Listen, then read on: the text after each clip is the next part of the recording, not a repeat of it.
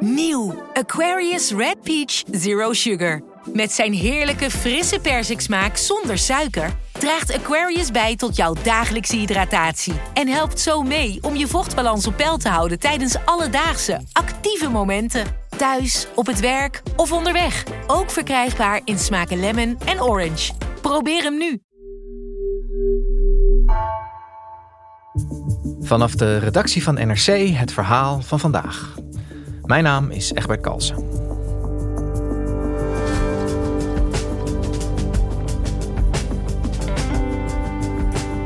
De traditionele manier van staal maken is zeer vervuilend. De sector is goed voor 7% van de mondiale CO2-uitstoot. Maar dankzij een overschot aan groene energie ontstaat er in het hoge noorden van Zweden een nieuwe, schone staalindustrie. Verslaggever Milo van Bokkum bezocht een groene staalfabriek in aanbouw en hij vraagt zich af: kan de oude staalindustrie in Europa nog wel blijven bestaan?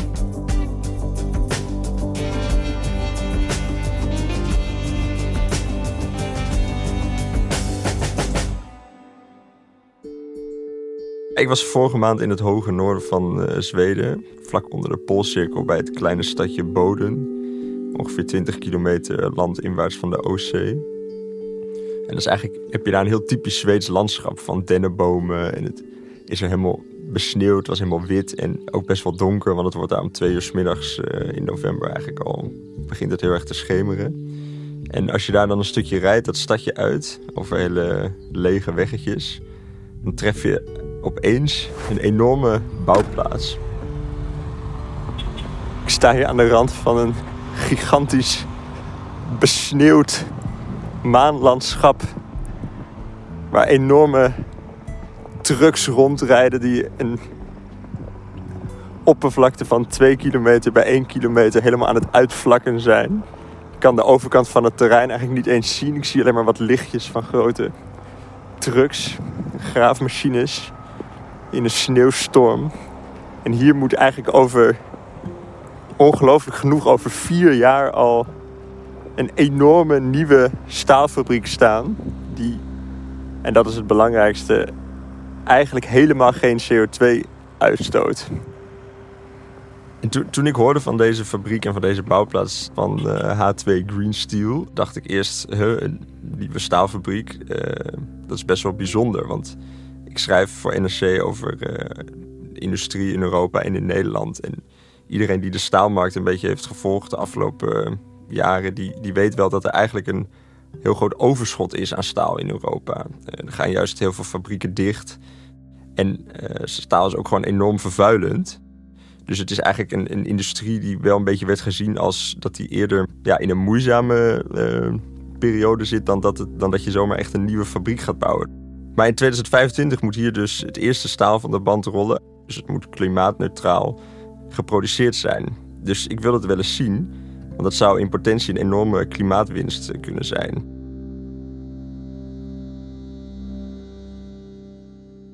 Milo, een, uh, een, groene staalfabriek, net onder de, onder de Poolcirkel in Zweden. Misschien goed om dat eerst even te benoemen. Hoe vervuilend is de productie van staal eigenlijk normaal gesproken?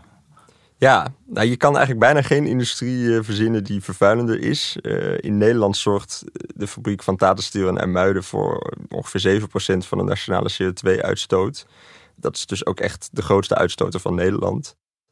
En uh, wereldwijd schommelt het eigenlijk ook ongeveer rond dat percentage. Dus meestal als je in een land kijkt naar de uitstoot, dan is staal vaak 6, 7 à 8 procent. Dat is een hoog percentage. Ehm, niet om het helemaal weg te relativeren, maar staal is ook wel een belangrijk product, toch? Klopt. Ja, het is, ik, ik denk dat elke luisteraar die nu luistert, die ziet waarschijnlijk ook wel staal in zijn of haar blikveld. Uh, het zit in een blikje of in, in je bureaupoot, in, je, in een brug, in de trein, in de auto, verkeersborden. Dus het is gewoon ook best wel een heel erg onmisbaar product. En we zijn er als maatschappij heel afhankelijk van. Ook niet in de laatste plaats omdat bijvoorbeeld windmolens ook van staal uh, gemaakt worden. Ja, dus we hebben, het, we hebben het nodig en we zullen het in de, de komende tijd waarschijnlijk ook nog wel nodig blijven hebben. Um, die fabriek in Zweden, die, die wilde dus op een, op een klimaatneutrale manier gaan doen, zei jij. Hè? Hoe, hoe willen ze dat aanpakken? Ja. ja, dat is best een technisch uh, verhaal. Het is eigenlijk bijna heel, uh, heel scheikundig. Want staal maken is eigenlijk gewoon een scheikundige reactie. Het draait al eeuwen eigenlijk om één ding. De zuurstof uit ijzererts halen. En staalfabrieken doen dat met een chemische reactie. Waarbij steenkool met hele hoge temperaturen van boven de 1000 graden reageert met die ijzererts. Dus eigenlijk wat je doet in een hoogoven is die ijzererts en die steenkolen bij elkaar en dat verhitten. En de, die reactie, waarbij je dus de steenkool gebruikt om uh, zuurstof uit het ijzererts te krijgen, die kun je ook krijgen met waterstof. Dus dan vervang je eigenlijk de steenkool door waterstof. En wat dus belangrijk is, is dat je gebruikt steenkool dus niet als brandstof, maar echt in de reactie om het staal te maken. Dus dat, dat verklaart ook waarom het zo vervuilend is, omdat ja, je gewoon hele grote hoeveelheden steenkool nodig hebt om een product te maken. Ja, dus de, de, de, de, de zuurstof uit uh, de ijzererts die, he, die hecht dan aan de koolstof uit de steenkool, hè, als ik het goed zeg. Ja, dat is dus CO2. Ja, ja precies. Ja. ja. dan, dan hebben we gelijk het probleem ja. te pakken. Ja. Hey, en die fabriek in Zweden die wil dat dus op een andere manier gaan doen met, met waterstof, uh, wat jij zei. Zijn zij de eerste die dit zo gaan proberen? Um, nou, dus het, het, het gekke is, of het grappige eigenlijk, is dat dus vlak naast deze grote bouwplaats van uh, H2 Green Steel, ongeveer 30 kilometer verderop, daar staat al een klein proeffabriekje dat staal maakt met waterstof. Maar dat is van een ander bedrijf. Dat is van het Zweedse eh, SSAB. Eh, dat is de grootste staalfabrikant van Zweden. Ook wel bekend hier in Nederland, omdat ze twee jaar geleden even hebben overwogen Tata Steel uh, over te nemen, maar dat toen niet hebben gedaan. En daar is in juli vorig jaar het eerste groene staal ter wereld gemaakt. En uh, daar komt dus eigenlijk alleen maar uh, zuurstof uit de schoorsteen. En ook in die reactie met waterstof komt ook waterdamp vrij, maar dat vangen ze af en dat gebruiken ze opnieuw. Dat kun je in theorie ook gewoon weer drinken. Ja, dat klinkt, uh, dat klinkt als de oplossing voor de vervuilende staalindustrie. Twee fabriekjes, allebei in Noord-Zweden. waarom doen ze dat daar? Waarom is dat zeg maar de broedplaats van groene staal? Ja, ja, dat lijkt op het eerste zicht ook een beetje merkwaardig, want er, er woont uh, bijna niemand. Maar het draait allemaal om elektriciteit. En eigenlijk specifieker gezegd om uh, stabiele elektriciteit. Als je waterstof wil maken, heb je echt enorme hoeveelheden elektriciteit voor nodig. En het liefst ook groene stroom, want als je het met grijze stroom doet, dan is die waterstof alsnog niet duurzaam opgeweekt. en waterstof maak je door water onder stroom te zetten. Als je er genoeg waterstof wil maken om staalfabriek om van een beetje omvang te laten draaien, dan heb je ongeveer 15 eh, terawattuur nodig aan uh, groene stroom. Nou, dat is ter vergelijking, dat is ongeveer 10% van het hele stroomverbruik van een land als Zweden. Ja, dus dat lijkt een helse klus, maar de clue is eigenlijk: Zweden heeft als een van de weinige landen ter wereld een enorm overschot aan groene stroom. Ja, een, een overschot, dat, dat hebben wij eh, in Nederland hier nog lang niet. Hè? Wij bouwen ons helemaal suf aan, eh, aan zonneparken en, eh, en windmolenparken om dat te bereiken. Hoe kan dat dat Zweden daar zoveel van heeft? Ja, ja Zweden ligt als land eigenlijk een beetje schuin. Je kunt het een beetje voor je zien als een soort tafel die, die, die, die, die niet helemaal recht staat. En er stroomt heel veel water van West-Zweden naar de Oostzee in Oost-Zweden. En die rivieren, daar staan allemaal waterkrachtcentrales in. En en nu kun je denken, Nederland ligt toch ook een beetje schuin. Het loopt ook af met allemaal rivieren. Maar in Zweden is, is het wel een wat groter uh, hoogteverschil, zeg maar. En dat uh, betekent dus dat je nou ja, met dat vallende water uh, heel veel stroom kan opwekken. En dat levert Zweden een overschot op van 35 terawattuur aan groene stroom. Nou, zeg misschien niet zoveel, maar Nederland wil in 2030 in totaal 35 terawattuur aan groene stroom opwekken. En die Zweden hebben dat nu al te veel. Dus dat zorgt ervoor dat die energie best wel goedkoop is. Maar eigenlijk is het belangrijkste nog iets anders, namelijk dat de toevoer van die stroom heel uh, stabiel is. Dus als wij in Nederland groene stroom opwekken, dan gebeurt dat met zonneparken of met windparken. Maar dat betekent ook dat je dus minder stroom hebt als de zon niet schijnt of als het niet waait. Uh, en die waterkracht, die, ja, die loopt eigenlijk altijd door, want de rivier stopt niet zomaar met, uh, met stromen. En, en die, die stabiele stroom van, van groene elektriciteit, die, die vormt dus zeg maar de basis voor die revolutie in de staalindustrie. Ja.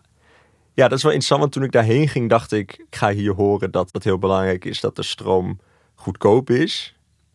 Maar toen bleek eigenlijk, toen ik daar met die fabrieksdirecteuren praatte, van ze zeiden, nou ja, dat, die prijs dat is wel fijn, maar uh, wat vooral belangrijk is, is dat we hier die voortdurende toevoer van de groene stroom hebben. Uh, omdat je zo'n fabriek niet zomaar kan, uh, kan uitzetten de hoogovens die gaan stuk eigenlijk als je, als je ze stopzet. En ik sprak dus de baas van H2 Green Steel, Hendrik Hendriksson. Dat is voormalig topman van, van uh, vrachtwagenfabrikant Scania. En hij verwacht dus dat uh, in het noorden van Zweden een enorme industrieboom gaat plaatsvinden uh, vanwege deze gunstige omstandigheden. And basically telling them that don't sit and wait for some sort of magic signal that now it happens. Yeah. Because that, that's already that's already yesterday. Yeah, yeah, yeah. So so so get going. So so I told them that if, if you have a small construction company and you have two excavate, excavators, buy another two. Yeah. If you have a hotel, uh, build another hotel. Yeah. If, if, you have a bus company, buy a few more buses. Yeah. So invest now. Ja, jij noemde al Tata Steel in Nederland. Uh, dat hebben wij hier allemaal niet. Hè? Hoe, hoe, hoe kan een bedrijf als Tata Steel de concurrentie aan met die Zweedse bedrijven? Ja, ja, dat is een heel gevoelig uh, punt voor de staalindustrie eigenlijk in heel uh, West-Europa. Wat de Zweden continentaal Europa noemen. Uh, want in, bijvoorbeeld in Duitsland zijn ook heel veel staalfabrieken van ArcelorMittal. Die willen allemaal overstappen op waterstof. Dat wil Tata Steel en Muiden, die wil dat ook. Maar de omstandigheden zijn wel echt een stuk moeilijker. En wat extra pijnlijk is, is ook dat Tata Steel in Nederland eerst eigenlijk ook op een hele andere manier wilde vergroenen. Uh, juist omdat ze dachten dat het met waterstof wel eens heel lastig zou kunnen worden. Dus ze wilden eigenlijk CO2 gaan afvangen uit de schoorstenen en dat opslaan in, uh, in lege gasvelden onder de zee. Maar nu, dat is dus veranderd, omdat nou ja, ligt in Nederland ook heel erg onder vuur vanwege de vervuiling van de omgeving. En die, die waterstofaanpak die is ook schoner voor de, voor de omgeving. Dus ze hebben die strategie veranderd. En Tata Steel die vraagt ook miljarden van de Nederlandse regering om te vergroenen. Overigens zijn zij niet de enige Nederlandse fabriek die daarom vraagt. Want alle grote vervuilers zijn in gesprek met het kabinet over uh, steun. En het lastige is wel dat uh, in Nederland natuurlijk... Ja, je moet wel die groene stroom hebben. Je moet wel die windparken en de groene waterstof hebben om te kunnen concurreren.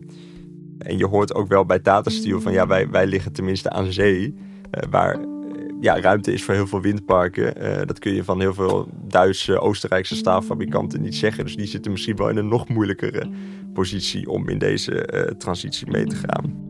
Dus dit wordt een heel spannend samenspel van krachten de komende 1, 2 decennia. Dus dat de staalindustrie midden in een, in een transitie zit, dat kunnen we denk ik wel veilig, veilig vaststellen. hoe gaat dat er dan uitzien?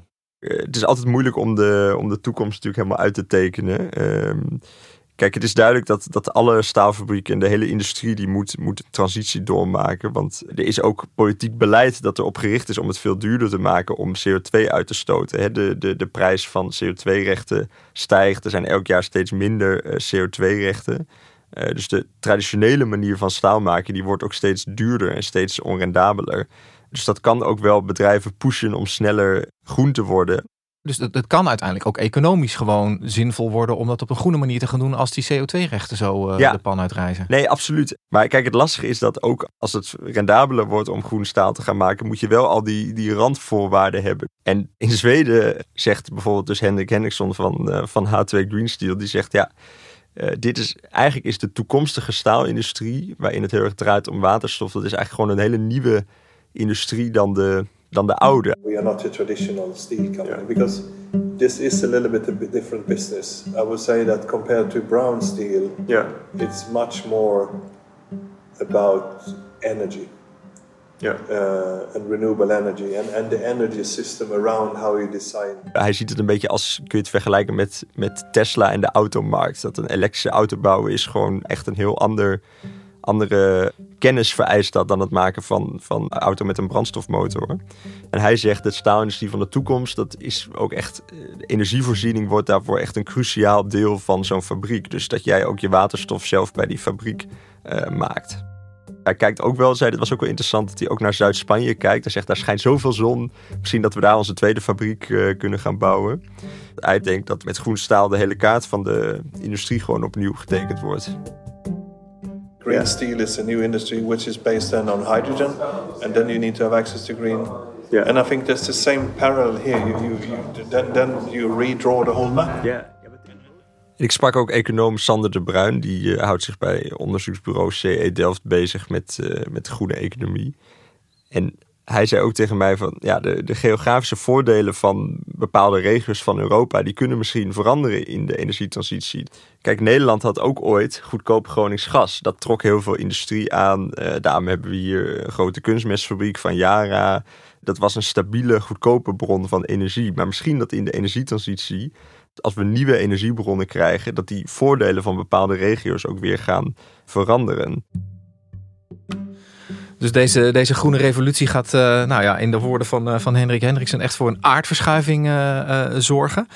tegelijkertijd, Milo, die fabrieken, een proeffabriekje en die van, van zelf, die moeten nog maar gaan draaien. Klopt. Ja. Hoe, hoe, hoe ziet dat eruit? Ja, nou, ik, ik moet toegeven, die bouwplaats die zag er al meer uh, bouwklaar uit dan ik had verwacht eigenlijk. Ik dacht dat zij nog een beetje een PowerPoint bedrijf waren, zeg maar, dat vooral op papier bestond. Maar goed, eh, die, die bouwplaats is er echt. De machines zijn eh, besteld. Er is geld opgehaald bij de oprichtersfamilie van Fiat, bij Scania, bij eh, andere automerken. Uh, 5 miljard hebben ze gewoon in kas. Ook van banken, ook ING heeft een lening gegeven. Dus in theorie gaan ze vanaf volgend jaar daar echt gaan we daar schoorstenen zien verrijzen. En als die dan eenmaal draait, dan uh, ga jij nog een keer kijken, neem ik aan. Ja, ja en dan, uh, ja, dan zien we hoe het uh, met de industrie staat. Nou, dan nodigen we je hier ook weer uit als je daar weer geweest bent. Ja. Dankjewel, Milo. Dank. Je luisterde naar vandaag, een podcast van NRC. Eén verhaal, elke dag.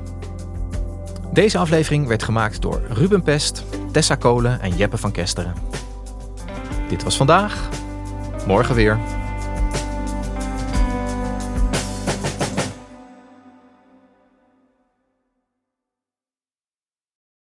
De financiële markten zijn veranderd, maar de toekomst, die staat vast.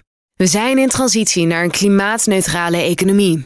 Dit biedt een van de grootste investeringskansen van onze generatie. Een kans voor u om mee te groeien met de pioniers van morgen. Meer weten? Ga naar carbonequity.com. Carbon Equity. Do good by investing better.